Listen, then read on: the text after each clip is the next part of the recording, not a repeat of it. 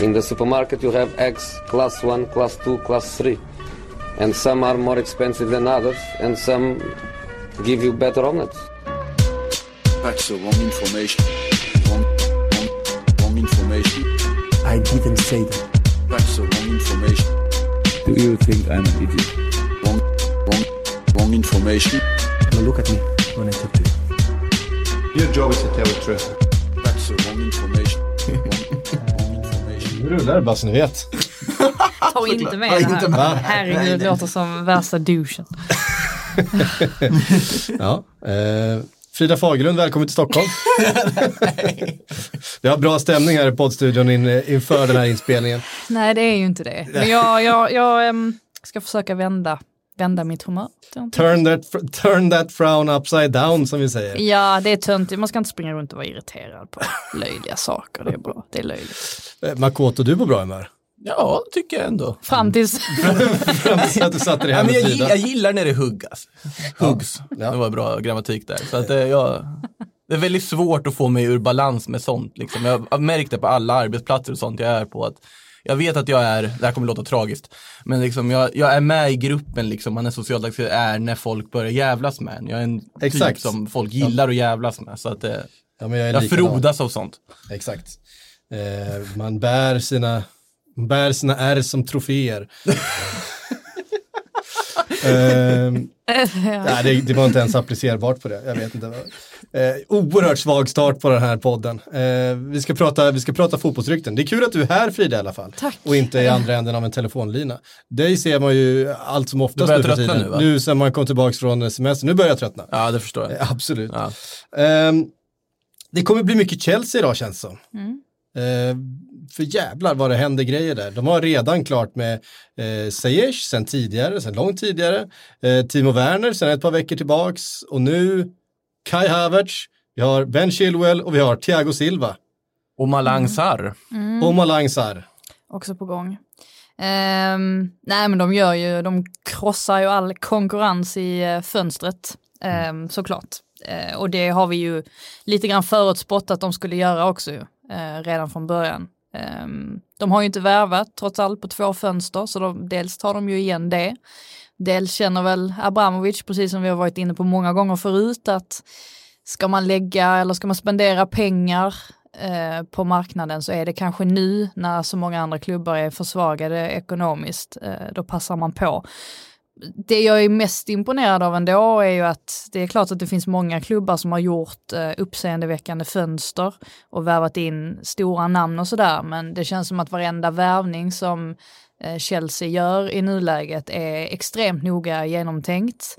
Eh, man ser långsiktigt, eh, inte Silva då kanske såklart, men han kommer ju säkert tillföra någonting, eller alltså Lampard har ju uppenbarligen sett någonting eh, som Silva kan bidra med och då tänker jag nog främst på erfarenhet. Eh, det har man ju saknat lite i, i försvaret. Eh, sen får vi ju se hur hur, hur han hängde ju med väldigt bra mot Bayern München, eh, som ju uppenbarligen är, eh, är de bästa i, i Europa just nu. Så att eh, det är väl klart att han eh, ska kunna klara av tempot i Premier League också. Men det är väl i så fall det enda, eh, enda grejen med den övergången är ju att det, det talar ju lite mot den här yngre satsningen som de gör. Men man behöver ju också blanda eh, rutinerat med, eh, med ungt. Eh, och så det tycker jag de gör. Om vi börjar med den då, som eh, kanske jag har reagerat mest på. Vi har ju, det har ju pratat så mycket om, om Ben Chilwell och det har pratat så mycket om Kai Havertz och, och Sarah har kanske inte pratat så mycket om, men det är kanske inte helt färdigt heller. Där, där är det mest rykten eh, än så länge. Men eh, just Thiago Silva, alltså vi pratar ju om ändå en spelare som var världens bästa mittback under ett antal säsonger. Eh, I alla fall i mitt tycke. Eh, för inte så länge sedan. Även om han inte håller den standarden eller den kvaliteten nu eh, i sin, nu är det här med åldrar igen, jag ska inte ens försöka. 35 är han, fyller 35. 36. Det är ju ingen ålder egentligen. Eh, Nej, du tycker inte det? Alltså, med, med tanke på att jag har suttit här och sågat eh, värvningar av William för att han inte har så stor livslängd så borde jag ju sitta och skrika åt Thiago Silva. Men jag känner ändå att han fortfarande, också det är tvåårskontrakt, Chelseas problem har varit försvaret. Du får in en ledare, du får in någon som har lett försvaret i Milan, någon som har lett försvaret i Paris, som kan också leda ett försvar här. Ja. Jag tycker att det är en klockren deal i det här läget när du har spenderat så mycket pengar på annat och kanske inte kan gå med City i jakten på Koulibaly och alltihop. Att, Och, och det som har varit Chelseas problem också, alltså visst försvaret har varit ett problem så att säga, men det egentliga problemet i försvaret har ju varit att det inte riktigt har varit någon som har tagit tag i det hela, egentligen oavsett beroende på vilken konstellation de än har kört, att det inte har funnits någon riktig ledare. Um, Antonio Rydiger är ju en sån som man börjar tvivla lite kring, alltså han lyckades ju aldrig riktigt komma upp i någon nivå efter sin skada och ehm, man kan väl tänka sig att eh, på sikt kommer de inte behålla alla, alla mittbackar och det är någon som ska ryka och sådär. Kan vi tycka att Andreas Christensen är väl kanske möjligtvis en sån också som man i så fall kan tänka sig släppa. Det som, Eh, Kurt Zuma tycker jag är, är den bästa av dem i nuläget. Eh, men det är ju framförallt för hans egenskaper, alltså huvudspel. Eh, sen vet vi ju om att han kan ju, kan ju mycket väl slå någon liten, liten halvdan passning och sådär, men de har ju saknat det. Eh, lite grann. Ja, Silva. men det som jag tycker är lite Mm. synd i det här är att det pratas direkt om att Tomori då ska lånas ut.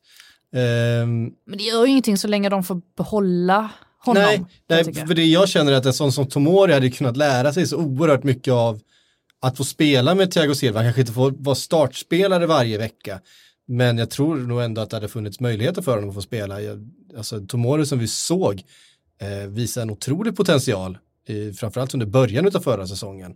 Men jag tänker få den där säsongen ihop med en sån som Thiago Silva, bara träningen när, när, liksom, när backarna står och du vet, kör sin grej och så kommer han där och är, är liksom, ja men kanske en av de största liksom backstjärnorna eh, på hela 10-talet.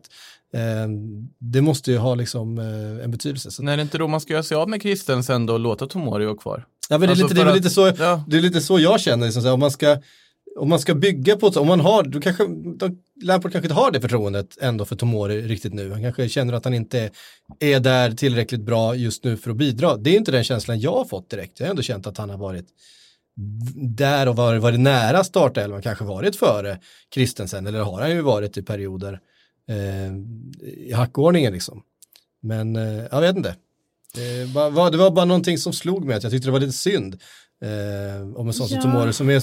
Och de har ju så- fler än Tomori också ju. Så är det ju. Ehm, Ampadu och eh, Guehi också, alltså är ju, är ju lovande, var, ju med i truppen, eh, lånades ju ut sen eh, under våren väl, så jag inte är helt, eh, helt eh, fel på det. Men eh, så att det är klart att det finns, finns rätt många unga lovande i, i Chelsea, men så, så brukar det ju vara Mm. Så det.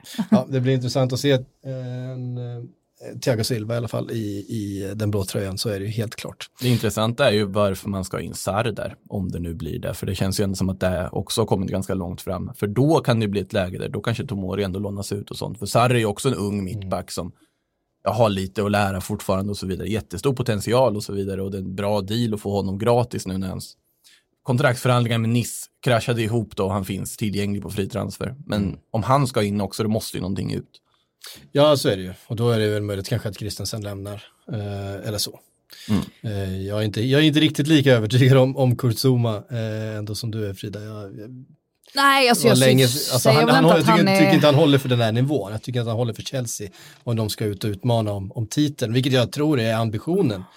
Eh, Jag är inte riktigt säker. Jag tror att eh, Zuma är en sån som, eh, hade han bara, får han bara en ordentlig mittback bredvid sig så, så tror inte jag att det är några problem alls. Eh, jag håller honom, honom nog lite högre i alla fall, än Mm. att bara säga att han är... Han borde ju ha första valet nu i alla fall, bredvid Thiago, kan man ju tycka. Ja, Så ja, abs- Mm, i, ja, i pecking ordern så är, är han nog garanterat där, skulle jag tro. Eller Rydiger. Ja, eller Rydiger, men som sagt, det eh, har ju brustit lite Mm. där också. Eh, om till agent. om vi eh, eh, tar då den som är den stora prestigevärvningen utav de här, det får man väl ändå säga är Kai Havertz. Eh, det pratas om 80 miljoner pund plus 20 i olika mm, klausuler. Eh, 10 ska väl vara en, en eh, rätt lätt uppnådd klausul och 10 en ganska svåruppnådd eh, klausul om de typ vinner allt. Eh, så att 90 miljoner pund kan vi väl räkna med att han, att han kostar då till slut eh, Kai Havertz. Eh, det är en skaplig slant men det är också en skaplig spelare och en, ett allt svårare pussel att lägga ju framåt för eh, Frank Lampard. Men det här har ju varit tydligt länge att det här är en spelare som de har velat ha och han har ju, en, en, han har ju såklart en tanke här. Det är ju inte bara att stapla spelare på hög. Nej, och jag skulle väl tro att eh, just att de fick Ben Chilwell för ett, eh, kanske är magstarkt att säga reapris, men de fick ju ner priset rejält på honom. Det har säkert gagnat att man då liksom kan plocka in även Havertz. Ehm, 50 millar på eh, på Chilwell. Chilwell. Ja, och det var ju inte alls, alltså Leicester ville ju ha Maguire-pengar från början. Ehm, sen var det väl eh, mycket det här att Leicester missade Champions League-plats som blev avgörande. Och att han säkert själv ville. Och precis att han själv vill hit också, eller hit, hit? Oj, eh, det var ingen freudiansk felsägelse. Eh, han ville till. jag tänkte att vi satt i London och så Ja. det var därför jag menar hit. Ja, ja, ja. Ehm, Vi vet att du är Charlton, Frida. ja, exakt. Eh, nej, men eh, att han skulle till, att han ville till Chelsea eh, och att eh, priset där, är jättebra förhandlat återigen, eloge till Marina, det är ju trots allt eh, kvinnan bakom eh, alla de här affärerna eh, som bör hyllas. Eh, så att det, det gjorde ju att då fick man lite mer pengar över så kan man plocka in även Havertz, men det, det, det som, är så, eller, som är så fascinerande är ju att bara fortsätter. Alltså det kommer, liksom när man, kommer ni ihåg när vi satt och, och pratade och så sa jag någonting om, ja men Werner och Havertz. Jag vet inte vem det var som sa att ja, man kan inte plocka in båda två. Nej. Det kändes så Det var osannolikt. att- säkert jag. det var säkert jag. också? inga, inga namn nämnda. eh, ja, men det kändes osannolikt att de skulle kunna plocka två sådana yngre talanger under samma fönster. Men nu känns det ju inte så konstigt längre när man har hela bilden. Nej men jag tycker det fortfarande känns konstigt. för De har ju också Sayers och de har, jag menar, de har eh, Pulisic, de har Mason Mount, de har eh, eh, Tammy Abraham, Tammy Abraham. Hudson och Doy, de har, alltså, de har så oerhört mycket offensiva spelare nu. Man undrar, sen, sen eh, är det ju verkligen så här att det här är en väldigt speciell säsong. Den här säsongen kommer ju inte likna någonting annat om det, så här, det har varit så här, ja men det blir en, en, en eh, titel med en asterisk på sig. Den här säsongen som kommer nu kommer ju vara ännu mycket mer speciell än den förra, även om den förra hade ett långt uppehåll. Eh, här ska du komprimera en hel säsong på betydligt mycket kortare tid. Jag tror att det är någon slags snitt på match var tredje dag för Premier League-lagen. Eh, med kupper och med Europaspel och så vidare. Det blir oerhört mycket fotboll på kort tid. Och vi kan ju inte förvänta oss heller att de här spelarna bara ska kliva in i säsongstarten första matchen eh, och leverera. Alltså vissa spelare behöver lite mer tid på sig än andra. Det, vi har ju ingen aning om bakgrunden eller hur de kommer att akklimatisera sig. Så att det är klart att särskilt nu i början behöver man ju många och Ja, och det kommer Rotera. behöva roteras mer än vad det någonsin har gjort alltså. Eh, för att orka hela den här säsongen och för att hålla spelarna liksom eh, friska och hela. Eh, det är ju verkligen, det är verkligen en helt ny situation. Ehm, och där ser vi också att eh, de, som, de som har de bredaste trupperna är, tror jag är de som kommer gå stärkt ur det här. Och det, vi, nu spoilar jag lite grann ur Bibeln, men vi, vi var ett sånt här, vad heter det, en enkät. Eh, vad man trodde och då fanns det här, vad är Liverpools chanser till exempel?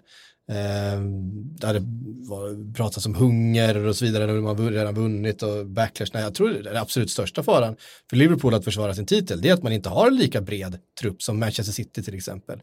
Och som eventuellt då Chelsea har skaffat sig nu då genom de här värvningarna, om vi inte eh, ser eh, flera, alltså en Pulisic lämna till exempel, en Tammy Abraham eller Hudson Odoi och så vidare. Pulisic kan ju inte lämna. Nej, det kan han ju inte göra. Ehm, och du har ju en Mason Mount också som ska ha speltid och så ska du ha in en Havertz och så ska du ha in en eh, Timo Werner och så ska du ha in en Ziyech och så ska du, alltså, eh, du kan ju ändå bara spela med typ fyra offensiva spelare, fem. Alltså i Havertz fall så känns det ju som att där är det det är både en välsignelse och en förbannelse för Chelsea att de fick det här transferförbudet. För att i och med transferförbudet de inte kunde värva så har ju de en helt annan budget att jobba med än alla andra klubbar. För alla vill i princip ha Kai Havertz. Bayern München kunde inte betala de pengarna, var tydliga med det direkt. Real Madrid kommer inte kunna värva någonting sett till pengarna. Barcelona ska vi inte prata om. Eh, men Chelsea har alltså ekonomin för att värva. Och då blir det att de har ett läge som de aldrig kommer få. Det är liksom, det är sån här chans får man bara en gång i livet för att citera den här gamla ungen som träffade Susanna Kallur liksom. Det, det är verkligen bara en chans i livet att värva Havertz så pass ostört som de får göra nu. Och även om han kanske inte direkt är den på en position som de behöver förstärka så är det en så pass unik talang att de måste i princip slå till. Och då sitter man ju där på att du kommer ha en väldigt bred trupp och ganska bekvämt pussel att lägga. Ja, och det man också har när man har så oerhört mycket egna produkter och unga spelare som har, det är att man har löneutrymme. Det här är inte spelare, alltså en Tammy Abraham sitter inte på 100 miljoner om året i lön. Eh, Och det gör inte Mason Mount heller. Eller någon av alltså det finns ett löneutrymme också att bygga en väldigt bred trupp. Eh, Ja, och just det här med att plocka in, eh, alltså se till liksom att, att plocka de här yngre talangerna är ju också viktigt. Jag såg så det också, jag tänkte på det nu med Bayern München att de gick och vann Champions League. Alltså var det någonting de ångrade för x antal år sedan så var det ju exempelvis att de inte lyckades värva spelare som Kevin De Bruyne och eh, Leroy Sané. Att de avstod från att ge sig eh, in och försöka värva dem tidigt, eh, vilket visade sig då vara ingen bra Eh, inget bra beslut. Eh, nu har de ju fått tillbaka Sané, eller fått tillbaka, men de har till slut fått honom eh, för en betydligt högre summa än vad de skulle ha klippt för honom då, alltså för då. Men just det här värdet av att verkligen gå hårt efter yngre talanger, det lönar sig ju nästan alltid i slutändan. Det är klart att det kan bli, alltså det är fortfarande mycket pengar för Harvards till exempel, det är fortfarande ganska mycket pengar för Werner också, men det ska ändå ganska mycket till för att man ska gå med jättestor förlust, alltså långsiktigt sett. Så att jag, jag förstår varför de kör på eh, och varför de ser liksom att det här är ja, en, en chans i livet. Ja, precis, för det, de, de, de tar ju en chans. Vi vet ju fortfarande inte, vi vet nästan den här säsongen kommer kunna spelas färdigt. Vem vet om det blir ett stort utbrott i oktober igen och så måste vi måste nog ställa in de här matcherna där. Nu har vi liksom flera eh, smittade matchdelegater här eller i tränarstaben i det laget. Ja, men då kommer inte de kunna spela. Alltså det, det är ju måste massa vi- sånt ja. som kommer kunna dyka upp under den här säsongen. Och sen måste vi ju väga in också att Chelsea har ju sålt väldigt mycket spelare också. Eh, alltså visst, de här FFP-reglerna har ju lättats lite på nu i och med corona, men de har ju fortfarande väldigt mycket pengar att spendera. Så är Ja, det ja. ju bara. Så att det är ju inte, det är inte bara det att de köper liksom hej vilt, de har även Mm. sett till att jämna ut böckerna något sånär. i alla fall. Ja, Det är inte så dumt att ha 70 spelare på lån. Är mycket att sälja. Det är Ja, det. är en, eh, en, eh, det är ju en en, stra- en strategi som eh, väl de flesta klubbar, större klubbar i Europa har liksom tagit efter, som Chelsea har sysslat med länge. Eh, oerhört mycket är huggsex om de här 16-åriga talangerna liksom, som ska iväg och som sen kan säljas för 10 miljoner pund eh, till ett eh, mindre lag i Premier League eller någon annanstans i Europa och sen så har man ett antal sådana och sen så eh, har man tjänar sig ganska mycket pengar. Det är ju, om man investera på tittar på tio senaste säsongerna också och ser på hur mycket klubbarna i Premier League faktiskt har sålt för. Bara rent liksom summa in, oavsett klausuler och alltihopa. Chelsea ligger ju totalt överlägset på den. De är ju närmare, ja det är väldigt mycket pengar de har sålt för i alla fall om man jämför med de andra klubbarna. Även om kanske till exempel City har värvat för mer så har ju Chelsea sålt för helt enorma summor om man jämför med de andra. Ja, så är det. Eh, ben Chilwell nämnde vi lite hastigast, den har vi pratat om länge, deras vänsterbacksjakt eh, har då till slut eh, landat i Leicesters Ben Chilwell. Det, ehm, Inte officiellt än, men det blir väl nej, snart. det blir väl så. Det har ju varit för, för, jag tror att det blir så. Ehm, och eh, är det helt färdigt med, eh, med Havertz? Det Nej, det är inte heller officiellt, men det finns ju vissa journalister där ute i sillisvängen. Man tror lite mer på än andra. Fabrizio Romano har haft några, eh, vad säger man, upptagna dagar. Jävlar vad han har eh, trummat på med Kai Havertz och med Thiago Silva och ja, Thiago Alcantara också eh, de här senaste dagarna. Också intressant att se hur de har börjat jobba tillsammans där, Bildt, eh, Falk och eh, Romano. I många av de här historierna, Havertz bland annat också, där de går in och kommenterar varandra bara att ja men det är sant och ja precis så. De har också sett Och eh, klappar varandra på axeln lite. de här internationella journalisterna, alltså, nu är ju Fabrizio Romano inne och skriver för eh, The Guardian ena dagen och så skriver han för, för Vilt nästa dag och sådär. Eh, det, är- de här silly, silly-experterna, de börjar eh, verkligen eh, ta stor plats, Mm. eh, får man säga. Eh, är det någon vi har glömt eh, av alla Chelsea-värvningar att prata om? Nej, det går väl att nämnas att det finns ju ganska många intressanta vänsterbacksalternativ för Leicester att ersätta Chilwell med. Pratas ju om Tagliafico som nämndes till Chelsea också, lite det. dit.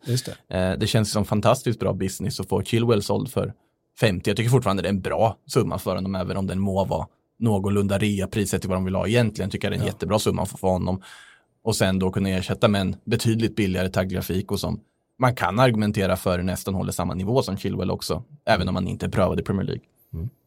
Ja, Ehm, det finns eh, fler rykten. Eh, väldigt mycket som rör Barcelona. Eh, Koman var ju väldigt aktiv igår om man ska tro eh, de katalanska radiostationerna och allt. Han ska ju ha haft eh, telefonkonferenser lite överallt och bara tagit fram telefonen, börjat slå liksom nummer efter nummer. Han har nog rätt många nummer ändå i sin Det borde bok. han ha. Det borde han ha. Han har varit runt. Mm. Men man ser det ändå framför sig, han sätter sig där i sin fåtölj hemma liksom bara, nu är det dags att börja ringa. Ringer Luis Suarez först, äh, du, du, vi ska börja förhandla om att kasta dig på fri transfer. Eh, vi kommer inte få det, att man inte lyckas få Suarez såld ens. Det till att börja med tycker jag är helt fascinerande. Att man nu förhandlar om att bryta det här kontraktet. Sen ska han ju ha ringt Arturo Vidal, han ska ha ringt Ivan Rakitic, han ska ha ringt Samuel Umtiti. Och alla de här samtalen ska ju varit att du ingår inte i mina planer, det är nog bäst att du börjar säga om efter annat. Var det inte han som skulle bli en diplomat nu när han kom till Barcelona? alltså, vi minns ju hur det var i Everton. Han, var inte direkt, han blev ju inte direkt känd som en diplomat, varken Han med, gjorde ju det här i spelare eller fans. Då. Han gjorde det här i Valencia också med Albelda och så vidare. Mm. Men då gjorde han det på ett roare sätt på att ni får inte ens komma in på träningsanläggningen, sa han ju till David Albelda, klubbikon. Eh, det intressanta här är ju att Vidal, Rakitic, Suarez sitter ju på kontrakt till 2021, Umtiti har till 2023. Det är fyra spelare i klubben som har kontrakt till 2021. Det är ju de tre jag nämnde och Lionel Messi. Och Messi, man får ju se hur han reagerar på att polaren Suarez i princip fryses ut ur klubben och ska kastas nu. Och bland annat har det pratats om att han ska användas i någon sorts swap deal för att få Donny van de Beek. Ni får Suarez plus cash för van de Beek. Eh, Det är ju svårt att tacka nej till. Ja, ja, men så det är ju intressant det som sker nu och så får man ju se vilka av de här man blir av med. Men han ska ju varit tydlig med och sagt till de här att ja, ni har ingen framtid här. Jag tycker på något sätt det är fair och bra att han är tydlig på det här sättet, inte håller på att vela liksom, direkt går in på att okej, de här spelarna ingår inte i mitt projekt, ni får lämna. Däremot kan jag också ha ringt Coutinho och sagt det motsatta, att jag litar på dig, att vi vill kanske ge dig en chans till här och att du kan ha en del i det här Barcelona, eh, vilket ju är intressant. Såg ni förresten, eh, jag såg en sån här före och efterbild Coutinho före han kom till Bayern München och efter. Jävlar vad han har bitat på sig. Är det så? Ja, de har satt honom på pro- proteinpulversdiet alltså. Ehm, Jag tror du menar så att han såg gladare ut liksom. Han, Jaha, Nej, men han har väl aldrig sett riktigt glad ut. men han såg glad ut när han fick medaljen nu. Ja, det gjorde sjukt om han inte gjorde det. Ja, nej, men han log ju jättestort. Annars är han ju en liten emo-pojke som eh, ser lite sådär, eh, ser lite ledsen ut mest hela tiden. Ehm, Men eh, ja, han, hans dröm är väl fortfarande att spela för Barcelona, det har ju alltid varit. Så att det kan man ju tänka sig att eh, han kommer vara eh, intresserad av. Han kan ju känna att han har unfinished business i Barcelona sett till att det inte gått så här jättebra Nej. innan. Nej. Ska ju nämnas lite sidospår när vi pratar om hur glada folk såg ut när de tog medaljer och sånt. Att det är fascinerande att se hur vilt Alvaro Odriozola firade efter att ha spelat 100 minuter på sitt lån i Bayern, vet inte vad han ska göra med sin framtid. Och lyckas dessutom nu på pappret under den här säsongen vinna fem titlar på att han även får en spelade i ligan med Real Madrid och får den trofén också. Plus en Bundesliga-trofé, plus en Champions League-trofé. Han har spelat fruktansvärt lite och vunnit fruktansvärt mycket den här säsongen och såg överlycklig ut efter inte bidragit så mycket. Nästan lite Mendy-varning på det. Eh, Säsongen när han liksom vann en massa titlar med Manchester City och VM-guld med Frankrike. Men var skadad typ hela tiden. Eh, Men kände ändå att han var en del av det. Det är li- lite den, eh, lite den vibben. Så länge man inte går på nivån som Alexander Song gjorde i Barcelona när han trodde att Puyol skulle ge bucklan till honom när de skulle lyfta den, när han skulle ge den till Abidal. Vet inte om ni minns den helt fantastiska scenen när Song då som knappt spelat en minut tror att Puyol ska alltså ge bucklan till honom för att han ska få lyfta den när de har vunnit Champions League. Eh, otroligt intressant självbild där. Mm. Ehm, ja, det har ju hänt, vi måste ju kommentera det andra som har hänt eh, de senaste dagarna också. Eh, Victor Nilsson Lindelöf. Ska vi bara nämna också att Henke Larsson är assisterande tränare i Barca? Var inte Ja, det? Eller har vi kanske det, redan det, gjort det? det pratade vi om förra Ah, veckan. just det, det har hunnit det vara hann avsnitt precis det. hända. Eh, Ja. Ska vi nämna att Ljungberg inte är assisterande i Arsenal Nej, precis, kan Just vi få det. in, och, och att Georgsson är på väg till Det är Just det, den är Det är spännande. intressant. Den är riktigt spännande. Eh, Set piece specialist. Ja, precis. Eh, Många skandinaviska set piece specialists. ja, Den danska inkasttränaren du tänker på. Grönnemark, ja. Mm. Nej men det är ju, alltså man blev väl lite överraskad där ändå, när, när Georgssons namn dök upp där. Vet inte, han har ju, att, att han är väldigt duktig på det där med just den delen har man ju förstått. Nej, han har ju gjort det bra i Brentford och det är väl ofta så i, i engelska ligan att liksom, när man väl dyker upp på radarn, radarn sträcker sig inte riktigt utanför de brittiska öarna alltid. Men så fort man hamnar där så eh, har de koll på varandra, stenhård koll. Ehm, så gör man det bra då, då plockas man lätt upp. Det är ju kul om det kommer att bli så nu, det verkar väl som att det har samtalats lite i alla fall. Ehm, så det är roligt för honom. Ehm, ja, vi var inne på eh, Luis Suarez där en liten eh, stund eh, för, tillbaka för, för, fem minuter sedan. Jag vill bara, jag vill bara höra, för det var det jag hade tänkt med det här. Vart, vart landar han? Vart, vart, vill, vart, vart vill ni se Suarez? Ja, men Ajax är ju lite sentimentalt fint sådär, även om jag tror att han, eller tycker att han eh, borde spela i en bättre liga än så. Eh, jag hade till och med kunnat eh, se honom i Liverpool igen, alltså tillbaka dit. Jag menar herregud, behöver en backup. Eh, det hade han gjort bra tror jag. Ja, alltså tänk att slänga in Suarez sista 25 minuterna i en, en tuff borta match någonstans mot en topp 6-klubb och det står, står och väger. Mm. Det, det är klart att eh, det här kittlar ju lite grann, men det är jag helt säker på inte Nu kommer känner- hända. Nu känner jag mig lite som han som eh, sa liksom att Thiago skulle användas som backup i, om han skulle gå till Liverpool. Jag menar ju liksom, i Suarez fall så menar jag att liksom främst, alltså tanke på vilka han har framför sig, det är klart att han också hade kunnat starta en match i Premier League. Det är inte, jag ska Ja. bara förtydliga den biten. Men han har ju också ganska bra spelare. Eh, eller Liverpool har ju ganska bra spelare på de positionerna. Nej men i, alltså jag håller ju med om att ja det finns något fint med att gå tillbaka till Ajax men jag tycker att alltså ryktena om Suarez eh, död eller ja, slut som fotbollsspelare är extremt överdrivna om vi säger så. Jag tycker Han har gjort en väldigt fin säsong. Jag tycker fortfarande han är fruktansvärt bra och absolut världsklass. Och jag tycker att det är faktiskt lite tragiskt hur Barcelona behandlar honom nu sett till vad han har gjort eh, överhuvudtaget. Där, det är en, ja, Jag kastar ut den här då. Det bara slog mig nu. Leeds. Nej. Atleti. Behöver inte de en Suarez? En Simeone med en Suarez på topp. Kan man ha en Costa och Jag älskar det du tänker. Eh, Ja, Ja, jag är lite imponerad av, jag är nästan lite rörd att du ändå ser den. Alltså det, det hade varit jätte, ja, det hade varit fantastiskt. Men det kommer aldrig ske. Nej det tror inte jag heller. Men det hade det bara varit, slog mig, jag bara så här, Ja. bläddrar ut, vilka, vilka har man liksom tittat på som har saknat namnfallare som gör mål? Atleti har ju varit jag har ju suttit och tjatat om Cavani till uh, Atleti i hundra år här nu som Ja, verk, inte verkar precis. bli av. Eh, men så, ja det hade ju varit helt otroligt. Faktiskt. Det hade säkert inte dykt upp min hjärna om inte Liverpool hade mött Atleti två gånger den här säsongen. Jag känner mig själv. Ja, men han kommer Eh, väl gå till Villarreal som alla andra antar jag i slutändan. Ja.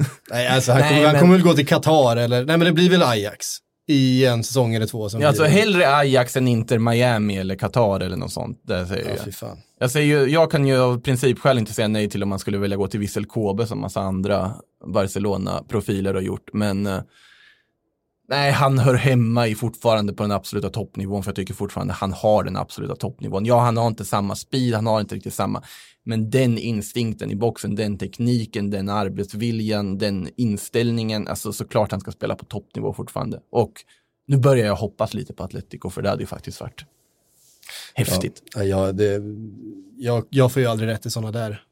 Det, det är heller, jag, bara förtydliga, det här, är inget, det här är inget rykte jag har läst eller sett. Det här var bara något som dök upp i mitt huvud.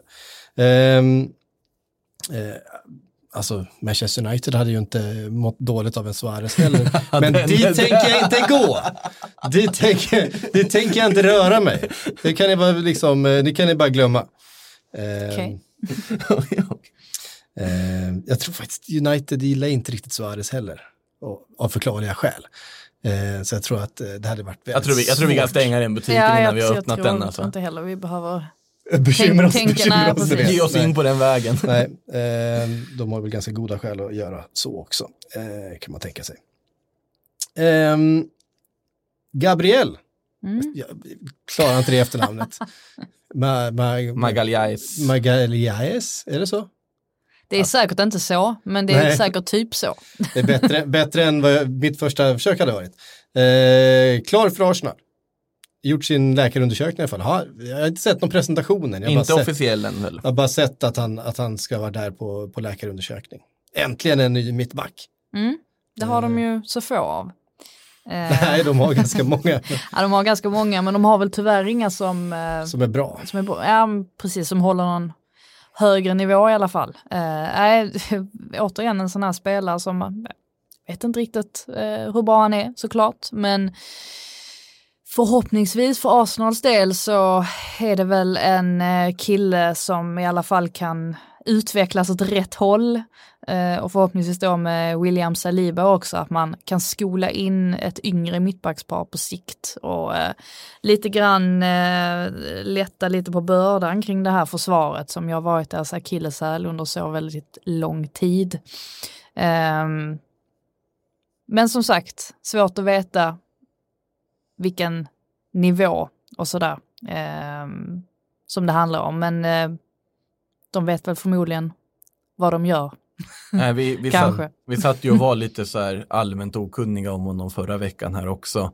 Eh, så jag läste på lite, säger inte att jag är kunnig om Gabriel nu, det är absolut inte, men som jag har förstått det i alla fall, så på, han har ju spelat ordinarie i Lille, gjort det ganska bra där, han har inte haft, har inte jättemycket erfarenhet, men har ändå varit självskriven i försvaret som ändå var ganska bra, spelar bredvid Fonte där då i mittförsvaret där. Eh, Nick stark, långa ben, bra på tacklingar och så vidare. Och man tänker ju just en liksom, lite resligare långförsvarare känns som något som skulle passa ganska bra i Arsenal-försvaret här. Jo, in- återigen så är det ju grejer, alltså det är kl- klart man har Det är det läst på lite. Eh, det, det är Bra- inte det, men, Bra men passningsfot. ja, man vet sällan exakt vilken eh, Verkligen nivå inte. eh, en sån här försvarare håller förrän man ser honom in action.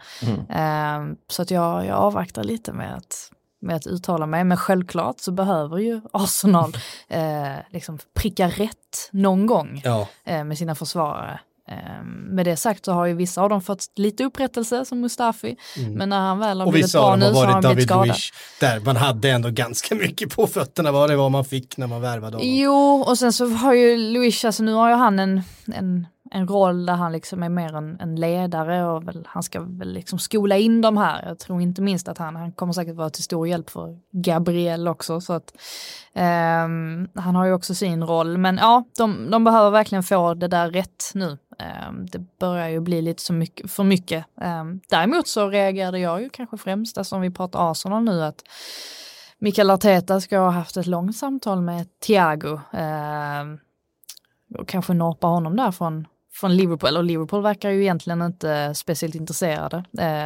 Men att de kanske, att Arsenal är intresserade av, av Thiago istället, det tycker jag lät lite spännande. Det lär de ju vara.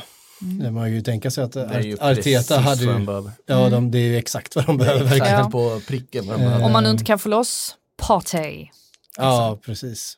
Men ändå, alltså det, det finns ju, det finns ju grovjobbare på det där mittfältet. Eh, som eh, Arsenal kan använda sig av, liksom en Xhaka och så vidare. Det de, det de, alltså Thiago är också Det är en, egentligen hår- bara en, Xhaka. en, en, hård, det är egentligen bara Xhaka. Jag kommer inte på någon fler. Det är Nej. väl typ, Eh. men det är väl Xhaka Torreira, vad har de i övrigt som är sittande mittfältare i det här laget just nu? För Ceballos verkar ju inte bli kvar. Han verkar ju få någon chans att tillhöra Real Och Madrid. Guendouzi är borta. Och sen behöver ju, ska Ceballos spela så måste han ju ha någon som är lite, Och det är ju Xhaka. Ja. Men eh, om vi räknar med att Ceballos inte kommer tillbaks så är det ju så att alltså Thiago är ju, om de lyckas med det, så Ja, det är höjer ju ju en- det här, liksom nivåerna på det Arsenal-laget, puff. Det är ju en rejäl uppgradering på Ceballos dessutom. Det är ju inte bara liksom att de får in en precis. spelartyp. Det är ju någon som är Mm. betydligt bättre. Ehm, ja, det, är- det, det är såklart. Men kän- måste, jag är lite förvånad, för det måste kännas, finnas många klubbar som behöver verkligen en Thiago. Det är ju liksom inte en spelartyp som växer på trän direkt. Men det är väl just andra är det då? det kanske.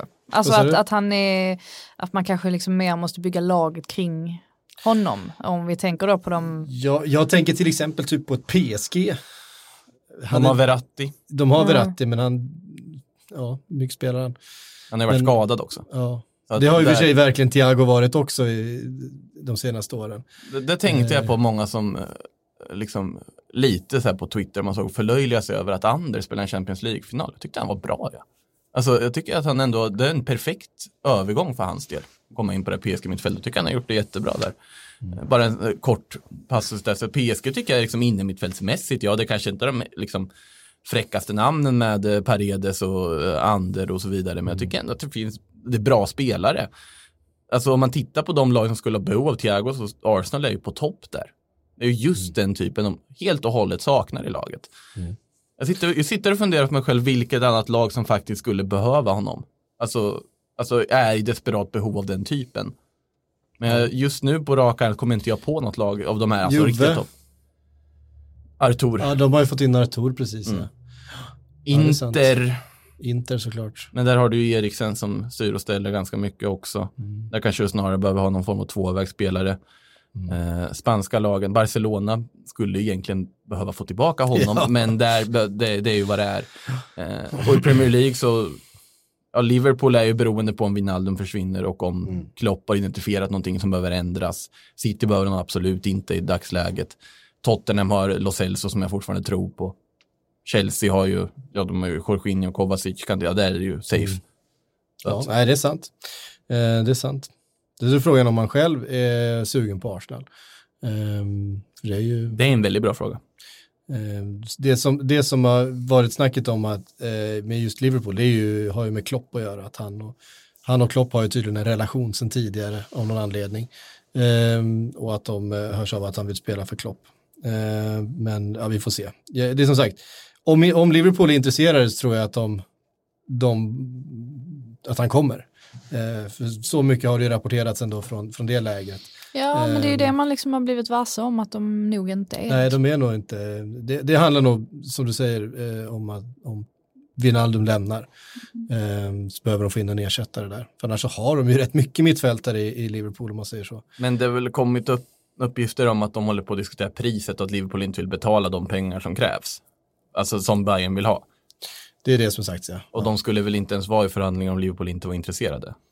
Nej, alltså det, det är ju också sagts, alltså Ja, det som men både... att det, det, det ska tydligen inte vara riktigt förhandlingar ändå, alltså enligt liksom Rafa Honigstein som jag litar Mm. väldigt mycket på, så ska de ju inte vara, det ska liksom inte vara så långt gånget Nej. ens. Alltså, men ja, vi får Ehm, se. Ja, vi får se. Eh, Rodrigo till Leeds. Åh, jag gillar det. Ja, 35 miljoner pund. Ja, det är ju en, eh, det är en skaplig slant för en klubb som inte har spelat Premier League-fotboll på eh, 16, nej vad är det? Ja, det är 16 år. Ehm, mm. Alltså Rodrigo är ju, man har ju trott att han ska lämna Valencia år efter år efter år. Han har ju varit typ klar för Barcelona, han har varit typ klar för Atletico Madrid och det har inte blivit något. Men nu när Valencia ska göra sig av med allt som på något sätt har någon form av lön i klubben så ska ju såklart Rodrigo bort också. Eh, var väl inte jättebra förra säsongen, var väl inte riktigt på samma höga nivå som han har visat tidigare och han har ju vissa begränsningar men Leeds är ju behov av en forward för en ja, nykomling i Premier League och få in en spelare som har den klassen som Rodrigo har i en superkap skulle jag säga. Har ju pratats lite om Leon Bailey också, ehm, Också som vi pratade om eh, väldigt mycket för, ja men det var väl tre år sedan ungefär som han var superhet. Eh, och sen dess har det ju svalnat betydligt. Eh, det känns som att det är alla andra spelare vi pratar om istället, Kai Havertz inte minst. Eh, men han är ju fortfarande tillräckligt ung för att kallas ung och lovande. Eh, har ju för övrigt också en av de mest intressanta background stories som finns, eh, tycker jag, alltså bland fotbollsspelare. Hur han kom från Jamaica är det väl han representerar landslagsmässigt till Europa som väldigt ung och har liksom verkligen fått kämpa sig fram till sina proffskontrakt. Ehm, och är förstås, ja men har alltid liksom ansetts vara en väldigt stor talang så att jag hade tyckt att det vore väldigt kul att se honom i en annan klubb. Kan nog hjälpa honom också för nu verkar det som att han har stagnerat lite grann eh, ändå. Alltså det kan ju hjälpa att till exempel få Bielsa som tränare då, kan nog sätta fart på en.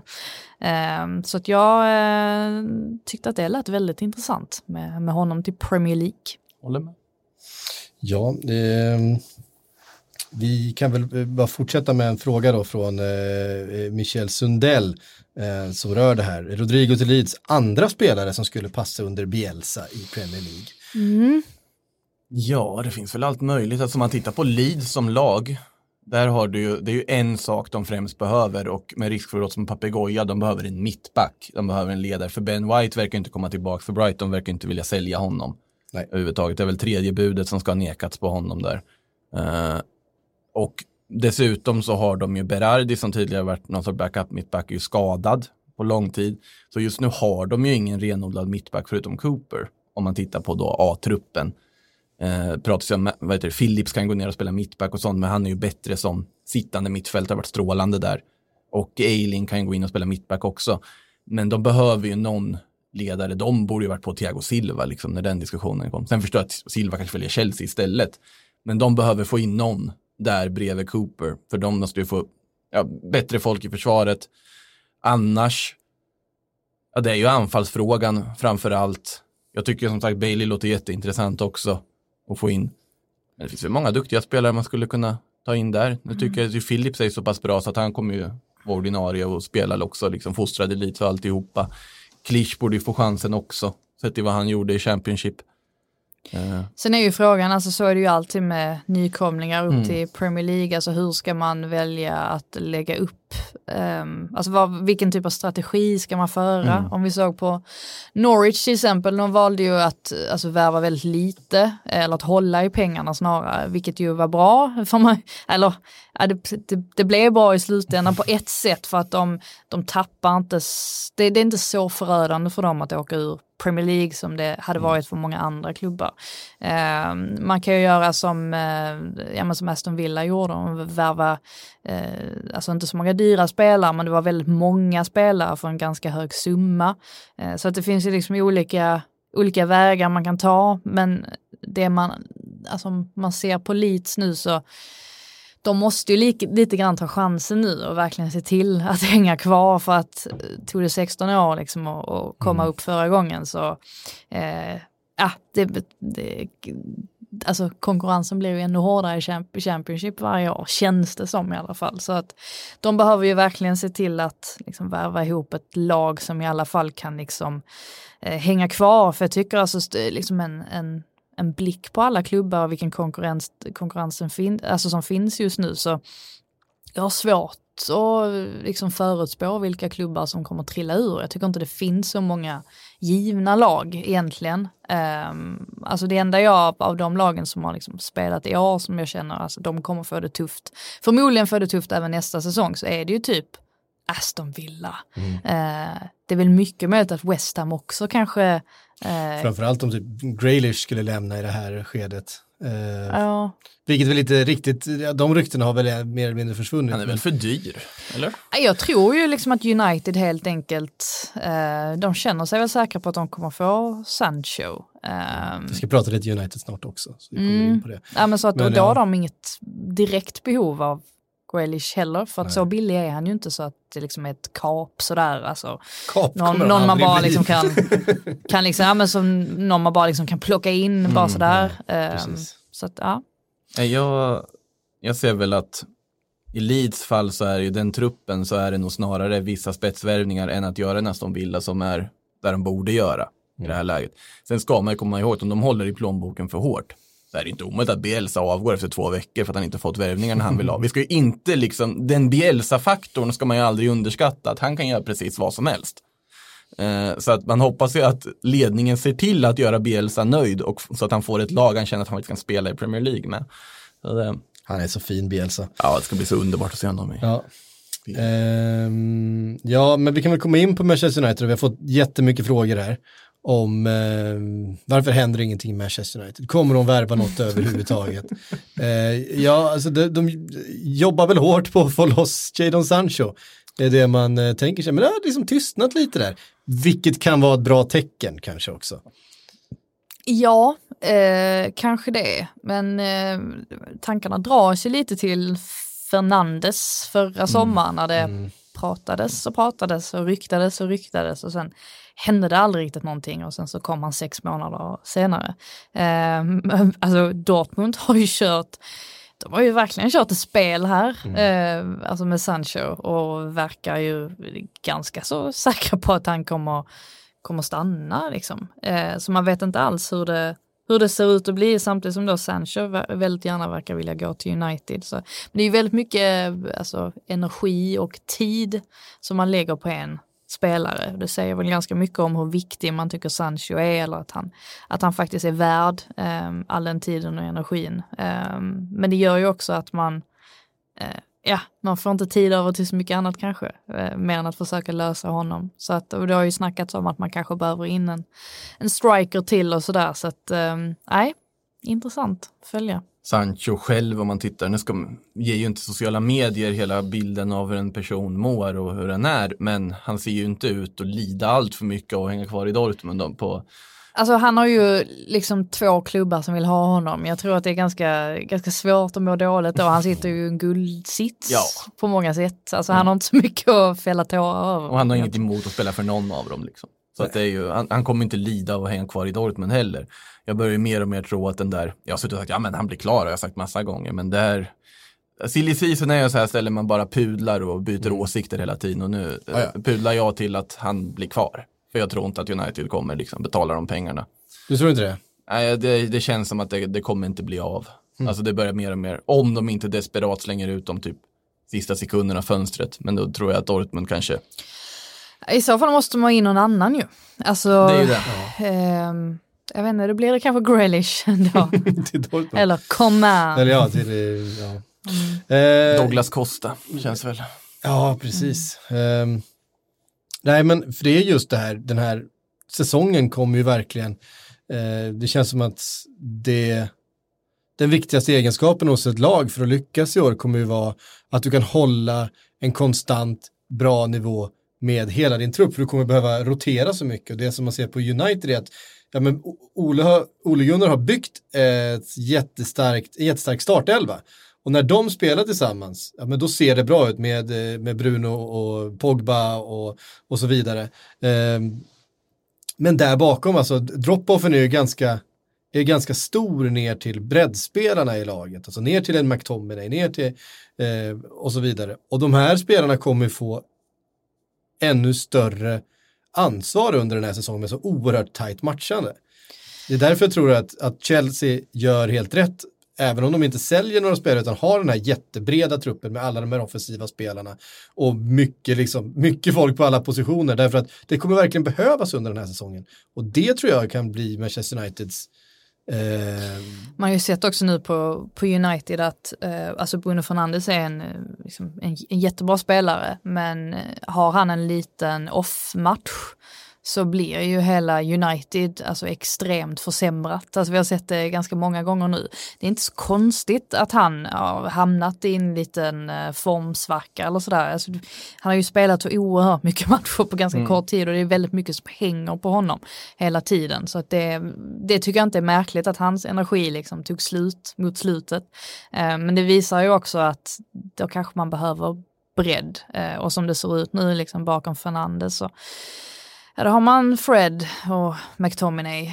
Um, och det är ju inte alls samma klass på de spelarna um, som det är på Bruno Fernandes. Men det där är ju också svårt att du, om du får Alltså jag tycker Fred och McTominay är ganska bra, sen är det naturligtvis inte på samma nivå, men det är svårt också att kräva eller förvänta sig att du ska kunna ha spelare i United sitt Nej, som nej. är nära den nivån. Det är klart. Och den aspekten. Ja, men sen samtidigt som McTominay hade man ju lite grann hoppats att han skulle ta fler kliv utvecklingsmässigt än vad han har gjort under säsongen. Ehm, han såg ju lovande ut för, ja men för en, alltså för, för ett år sedan. Eh, sen har han inte riktigt liksom ehm, utvecklats åt det hållet man kanske hade trott. Alltså Fred tycker jag fortfarande att Alltså visst, jag håller med om att han ibland kan göra bra matcher, men det, tycker ändå det finns en tendens att hylla honom lite för mycket eh, än vad han faktiskt förtjänar. Det, det visar ju bara att vi har satt ribban ganska lågt för honom. Eh, han är ju fortfarande inte alls detsamma som att ha liksom Pogba och Fernandes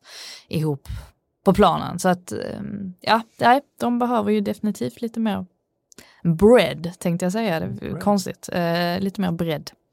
Ja, eh, men det är det här som jag är bekymrad över med Liverpool. Vi vet ju hur stor, hur mycket det påverkar när en av eh, Mané, Salah, Firmino är borta. Och hur, hur stor drop-off det blir i kvalitet framåt och plötsligt svårt allting blir. Suarez ska ju dit nu, har vi bestämt. Det blir mina minusår där. Ja, det, det, det måste nästan bli det om, det ska, om man ska kunna försvara den här titeln. Alltså, för att, eh, jag tror att det blir eh, jäkligt tufft eh, om man inte har den där riktiga kompetensen på alla positioner. Och just nu ser, ser det ju bara ut som det. Alltså Manchester City har ju det. De har ju kvalitet. De har ju två stycken startelver som hade varit med och, och slåss i, i ligatoppen. Så, så mycket spelare har de ju. Inte försvarsmässigt kanske då, men det håller de ju på att styra upp. Jag förstår att Liverpool vaskade kupperna för att vinna sin liksom, ligatitel. Men Ja. Frågan är om man kommer vaska kupperna för att vinna en andra raka ligatitel. Ja, För det är Ja, så- det tror jag nog. tror jag det är Jag menar- fortfarande viktigare. Men, Men nu har man inte Chirivella, han har ju gått till Nans. Vad ska man, vad ska man kasta in då som kapten i kupperna liksom? Ja, precis. Nej, men det blir väl Thiago då som, eh, som Steve Nichols sa i sin, eh, i sin intervju här. Ja, men han kan ju komma in och spela lite kupper och sådär. Det kan säkert bli ja, det var, jättenyttigt. he- det var mm, Jag har fortfarande inte ja. släppt den. Overkligt. eh, Thiago ögonblick. och Curtis Jones på mitten där i kuppen och Harvey Ja. Elliott framför. Precis. Nico Williams. Hoppas vi mycket på. Nico Williams är Mm. ja, då, Han har ju lite jobbig konkurrens framför sig. Men om vi tänker bort den konkurrensen så eh, kan man hoppas att han får lite speltid. Mm. Jag kan inte hjälpa att jag bara tänker på katter när jag hör Neko Williams. För att Neko på japanska är katt. Det är så här kopplar. Ja. Så där, då tänker jag ju på den här lilla vinkande katten, så här, Ja, men li- jap- japanska. Ja men lite nästan så, jag, jag ser något sånt liksom när jag tänker på, jag har inget ansikte på Neko Williams liksom. Men just namnet Neko får ju, Ja. ger ju andra, vad heter det, eh, nu kommer jag, kommer jag inte på ordet så vi skiter i det. Nej, precis. Nej, men det är väl det är just därför som jag också kan eh, se att nog fan kan man trycka in Thiago i det här laget också utan att behöva sälja någon Gini Wijnaldum. Men ja, ja, det är bara jag det. Ehm, Everton har vi inte pratat så mycket om den här, Nej, den här är sommaren. Det är, det är dags nu tycker jag. Därför att de håller på att dra i Allan. De håller på att förhandla med eh, Napoli just nu. Helt rätt. Eh, och det är ju, Ancelotti har ju bra känningar där nere får man ändå, eh, får man ändå säga och har ju bra koll på den här spelaren. Och är ju, det finns ju klass i den pojken, eh, om man säger Det så. har inte funnits lika mycket klass på sista tiden dock på honom, men eh, samtidigt så i Evertons läge, i den statusen de har och med det behovet de har så Allan är ju ja, det blir en perfekt värvning. Det är ingen Marcel Brands värvning, men det är en Ancelotti-värvning som verkligen skulle liksom förbättra det här laget. Everton är en ganska, eh, ganska svårt att veta alltså hur det kommer att se ut för dem nästa säsong. Det är ganska svårt att placera dem i tabellen tycker jag generellt. För att man har ju sett förbättringar under Ancelotti, framförallt det här att han har höjt eh, alltså spelare i den befintliga startelvan som ja, Calvert-Lewin och Richarlison och, och så vidare. Sen har han ju vissa alltså, riktiga toppspelare på andra positioner också, så, ja, men som Dinj som vi har hyllat väldigt mycket. Eh, mittfältet, alltså inom mittfältet, behöver ju upp, uppgrade, förbättras. Ehm, så där, där vet vi ju att vi pratade om Adrien Rabiot för någon månad sedan, men det verkar väl kanske inte riktigt lika, som ett lika hett spår eh, just nu. Men där behöver de ju definitivt ta in någon.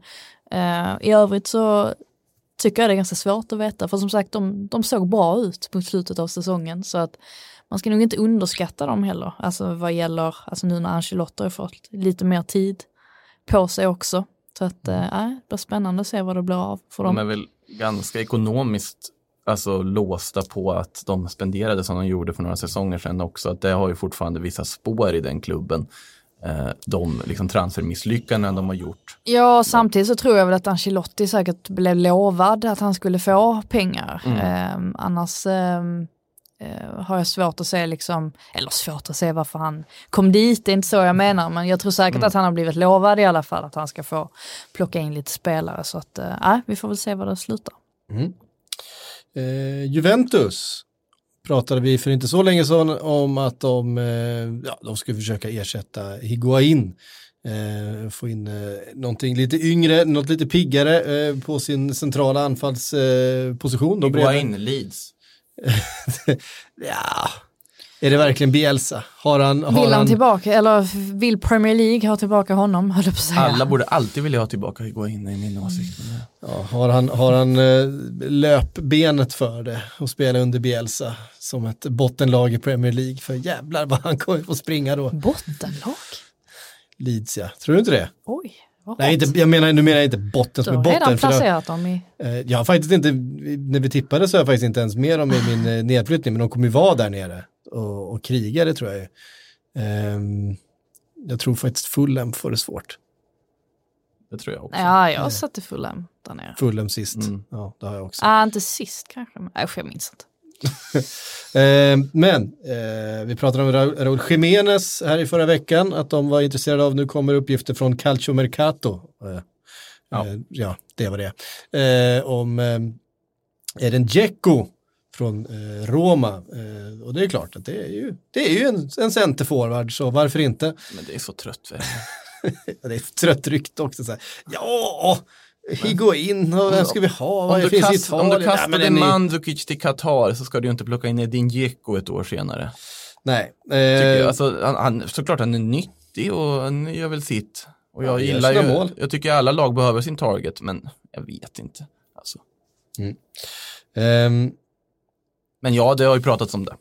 Jag ja. har sett det andra ställen också. Ja, nej men det, och det är ju, han är ju en i raden, det har ju pratats om Duvan Zapata såklart och eh, Milik och Jiménez och Mm. eh, allt möjligt sådär. Men eh, ja, någon ska de ju ha in där. Ja.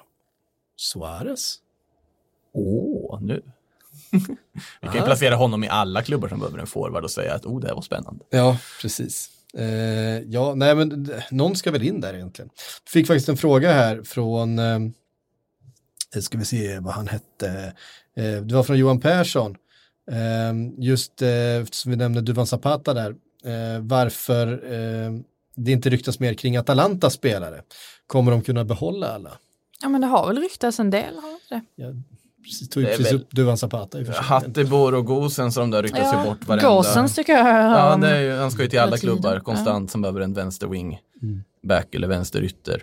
Eh, Duvan Zapata är ju kopplad till alla som behöver en forward. Papu Gomez som är kanske den bästa spelaren av dem alla som de har, han har ju inget intresse av att lämna och dessutom kommit upp i åren. Han, det där tåget gick för länge sedan när det pratas om Inter och Roma och allt möjligt. Eh, Ilicic, där finns en annan situation om man ens kommer spela fotboll igen efter Ja, otroligt tragiska att, ja, hur han påverkades av coronakrisen och alltihopa och, Ja, och eh, minnena från förr och allt. Eh, jättetråkig historia. Där eh, handlar det ju snarare om att han ska tillbaka på en fotbollsplan än att han ska byta klubb. Mm.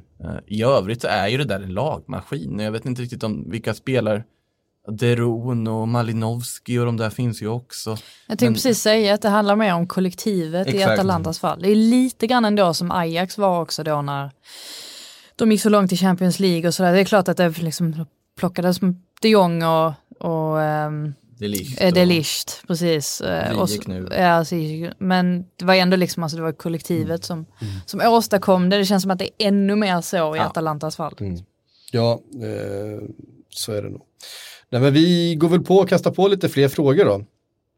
Eh, det har fått från eh, Theo Bai- Baltor. Står det? Jag kan, inte- kan inte läsa. Det är du som har skärmen. Ja, det är jag som har, det är jag som har skärmen. Eh, Thiago-rykten till Arsenal. Skulle han, Partey och Aouar komma, då ser det väl ljust ut för oss. Ja, då, jävlar, då vill jag göra om mitt, då vill jag revidera mitt tips. För det första. Min både Aouar och Thiago. Ja, ja, och Partey. Ja, då, då tror jag de kan sova gott igen. Ja, precis. Nej, men jag tog med den här lite grann bara för att eh, Aouar dök upp här och det är ju en spelare som eh, har varit otroligt bra i det här Champions League-slutspelet inte minst. Eh, men som det ryktas lite grann om eh, just ersätta Thiago eventuellt då i Bayern München. Eh, kommit sådana rykten. finns det ju inte att uh, Bayern München, om de inte kunde värva Havertz, att de i det här läget ska lyckas förhandla med Olas och få en vettig summa för. Nej. känns ju väldigt svårt. Om Thiago försvinner tror jag att man försöker klara sig på det man har. Ja, alltså, och det är ju, de har ju visat också att de har, eh, de spelar ju, finns. med- de, ja det finns ju, de spelar ju med Goretzka och Kimmich eh, centralt där. Eh, för det mesta ändå. Men det är ju vem som ska spela högerback. Det är väl Pavard som får gå in som högerback då i sånt fall. Om Kimmich ska upp på mittfältet. Ja, Och där, där är, ju det är väl, det är väl egentligen deras preferred eh, uppställning, är nästan känslan man har fått. Alltså Kimmich är ju så pass, han är en fantastisk fotbollsspelare verkligen och han kan ju hantera alla de där rollerna helt galant. Eh, Men du har ju ganska bra ställt på mittfältet med Goretzka och ja, Tolisso finns ju där också. Fina Xavi Martinez. Kanske håller som, som sittande fortfarande. Nej men det, det finns Och med, och med sittande menar vi då att han sitter ner. Ja, nej, nästan, jag sitter ner på det defensiva mittfältet där. Liksom. Ja. Ja. Nej men där, eh, jag har svårt att se att de skulle kunna förhandla fram en summa som de kan tänka sig betala en sån här sommar för Awar, om vi säger så. Eh, nej, eh, och det är klart att det blir, det har varit en otrolig Awar-hype den senaste, eh, den senaste tiden här, men eh, ja, frågan är vart, vart han ska ta vägen. Eh, det finns eh, många som eh, har blivit sugna på den eh, men han kommer inte bli billig och Lyon i ett sånt här läge, det finns ju ingen värre att köpa spelare från än, än, än Aulas, så är det ju bara. Men de har ju inte Champions League nästa säsong. Det har de inte. Så det kan ju också påverka lite. Så man vet ju inte riktigt hur de mår heller ekonomiskt när ligan ställdes in så tidigt som det gjorde och så vidare. Yes, vi tar en fråga till här, det kommer från Rickard Rönnklint. Och det är väl mest att vi vill eh, få in lite Brighton i det här avsnittet också nu när vi har Frida Fagerlund eh, på plats i studion. Eh, Rickard, han undrar, vad behöver Potter få in för att nå nästa nivå med Brighton? Han har väl nästan redan fått in spelare för att ta dem till nästa nivå. Eh, Han har ju det. Eh, otroligt mycket intressanta eh, grejer som händer i Brighton. Jag ska faktiskt prata med honom idag. Eh, Med Graham. Så att eh, då kan jag, ska jag höra lite mer om vad han ser, eh, eller vad han har för planer för Brighton den här säsongen. Jag tycker fortfarande att Adam Lallana är en väldigt, väldigt bra värvning. Eh, smart värvning, det har vi liksom pratat om. Jag tycker fortfarande att eh, Veltman verkar vara en väldigt bra värvning. Eh, för man eh, skrev ju långtidskontrakt med Dunk eh, nu nyligen, vilket ju visar väldigt tydligt då att här ska ingen komma och plocka vår bästa mittback. Eh, man har Ben White då, som gjorde en fantastisk säsong i Leeds. Eh, fler och fler pusselbitar börjar ju läggas på plats. Eh, dessutom så liksom Tarek Lamptey, att man lyckades plocka in honom i januari. Jag tycker att det här ehm, är väldigt spännande och antagligen så tycker väl jag det just för att jag är svensk och för att jag såg vad Graham Potter gjorde i Östersund när han fick lite tid på sig. Alltså nu har han, nu har ju Potter gjort det, alltså han ska hyllas efter den här säsongen även om de inte placerar sig jättehögt i tabellen. Eh, för att man såg ju verkligen alltså tecknena på att han är på väg liksom till sin fotboll eller mot, alltså i alla fall i, i rätt riktning. Eh, han, han var inte speciellt länge i Swansea eh, men gjorde det bra även där. Men nu liksom, alltså säsong två så tror jag att de nog kan ta ännu fler kliv. Så att jag följer med spänning liksom hela det här projektet och är fullkomligt eh, övertygad om att det finns en, eh, det verkar ju inte Potter varit speciellt involverad i de värvningar man har gjort utan det är ju spelare som man har haft koll på under väldigt många år, eller väldigt många, men i alla fall ett x antal år. Eh, men det verkar som att hela klubben styrs på ett väldigt sunt sätt eh, och att det finns en tydlig plan för vart man vill ta hela klubben. Eh, och jag tror ju definitivt att Graham Potter är rätt man för att göra det. Eh, får bara hålla tummarna att han får en, en, en bra start. Eh, sånt där kan ju alltid bli viktigt så att man liksom inte hamnar i en negativ spiral. Så. Mm. Jag funderar lite där på, alltså med, med tanke på värvningarna och sånt, hur tror du de kommer ställa upp försvaret? Alltså för att det där försvaret med Burns, Webster, Dunk, Lamptey har ju varit väldigt bra. Ja, och Webster köpte man ju in. Ja, det köpte man in för ganska stora pengar också ju. Mm. Ehm, Och sånt- Veltman. Ja, och sånt spelar ju, alltså Veltman tror jag mer, eh, han kan ju både spela ytterback och eh, innerback så att säga. Eh, han har ju dessutom haft en, en del problem med skador så att man får väl se liksom vad som är den Utility exakta player, tanken. liksom. Ja, alltså just det där, jag trodde ju kanske inte riktigt att man skulle behålla både Dunk och Ben White. Alltså jag tänkte kanske att man skulle släppa en av dem, men det verkar ju som att alltså, Brighton har det ganska gott ställt ekonomiskt och då har man ju kanske ingen, ingen anledning egentligen av att göra sig, göra sig av med någon av dem. Ehm, Ger man en trebacks? White, kan kan man ju, alltså det är inte som att Graham Potter är främmande för en eh, trebackslinje, eh, absolut inte. Ehm, vi får väl se, han har ju, det är också någonting som har varit skillnad från den Graham Potter som vi såg i allsvenskan för ett par år sedan kontra den som var i Premier League nu under säsongen, att han mixtrade ju extremt mycket med startelvor, formationer, eh, liksom bytte spelare hej vilt. Och det, det gick liksom till den graden att eh, alltså de flesta engelsmän som man pratar med trodde liksom att det var Potters stil. Eh, men jag menar när han hade Östersund i allsvenskan, han körde ju alltid på samma, eh, alltså i, nästan i princip samma startelva. Eh, och, och så hade liksom sitt, sin spelstil så att det i princip var så att byta ut alla elva spelare i någon match. Jag kommer ihåg en match mot Djurgården, jag tror de vann med 2-1 eller någonting sånt och det var under den här Europa League-tiden så att de ville liksom eh, vila Saman Ghoddos och Kansema och alla de spelarna. Då var det ju ingen skillnad på egentligen hur Östersund spelade. Var ju, man såg ju verkligen att det var ÖFK som spelade trots att det var 11 nya spelare på planen, eller tio var det väl eh, kanske. Eh, så att ja, han är ju verkligen en sån som har sin idé och tanke och jag tror att han kommer kunna sätta den i rullning ännu mer eh, den här kommande säsongen. Mm. Spännande, där kan man få läsa dina, ditt, om ditt samtal med eh, Graham då. Jag vet inte, jag skulle kanske inte ha sagt att jag har pratat med honom. Du har, inte, du har ju inte pratat med honom än, Nej, mycket kan hända. Nej, eller hur? Han kan höra av sig och ställa in också. Jag tror inte det. Eh, men nej, ni, ni som lyssnar på det här kan väl hålla tyst om det så kommer den kanske om, någon, om några, några veckor. Ja, det, det kommer, det, det, det kommer när ni minst anar det. Ja, precis. Ja, men det är mycket bra.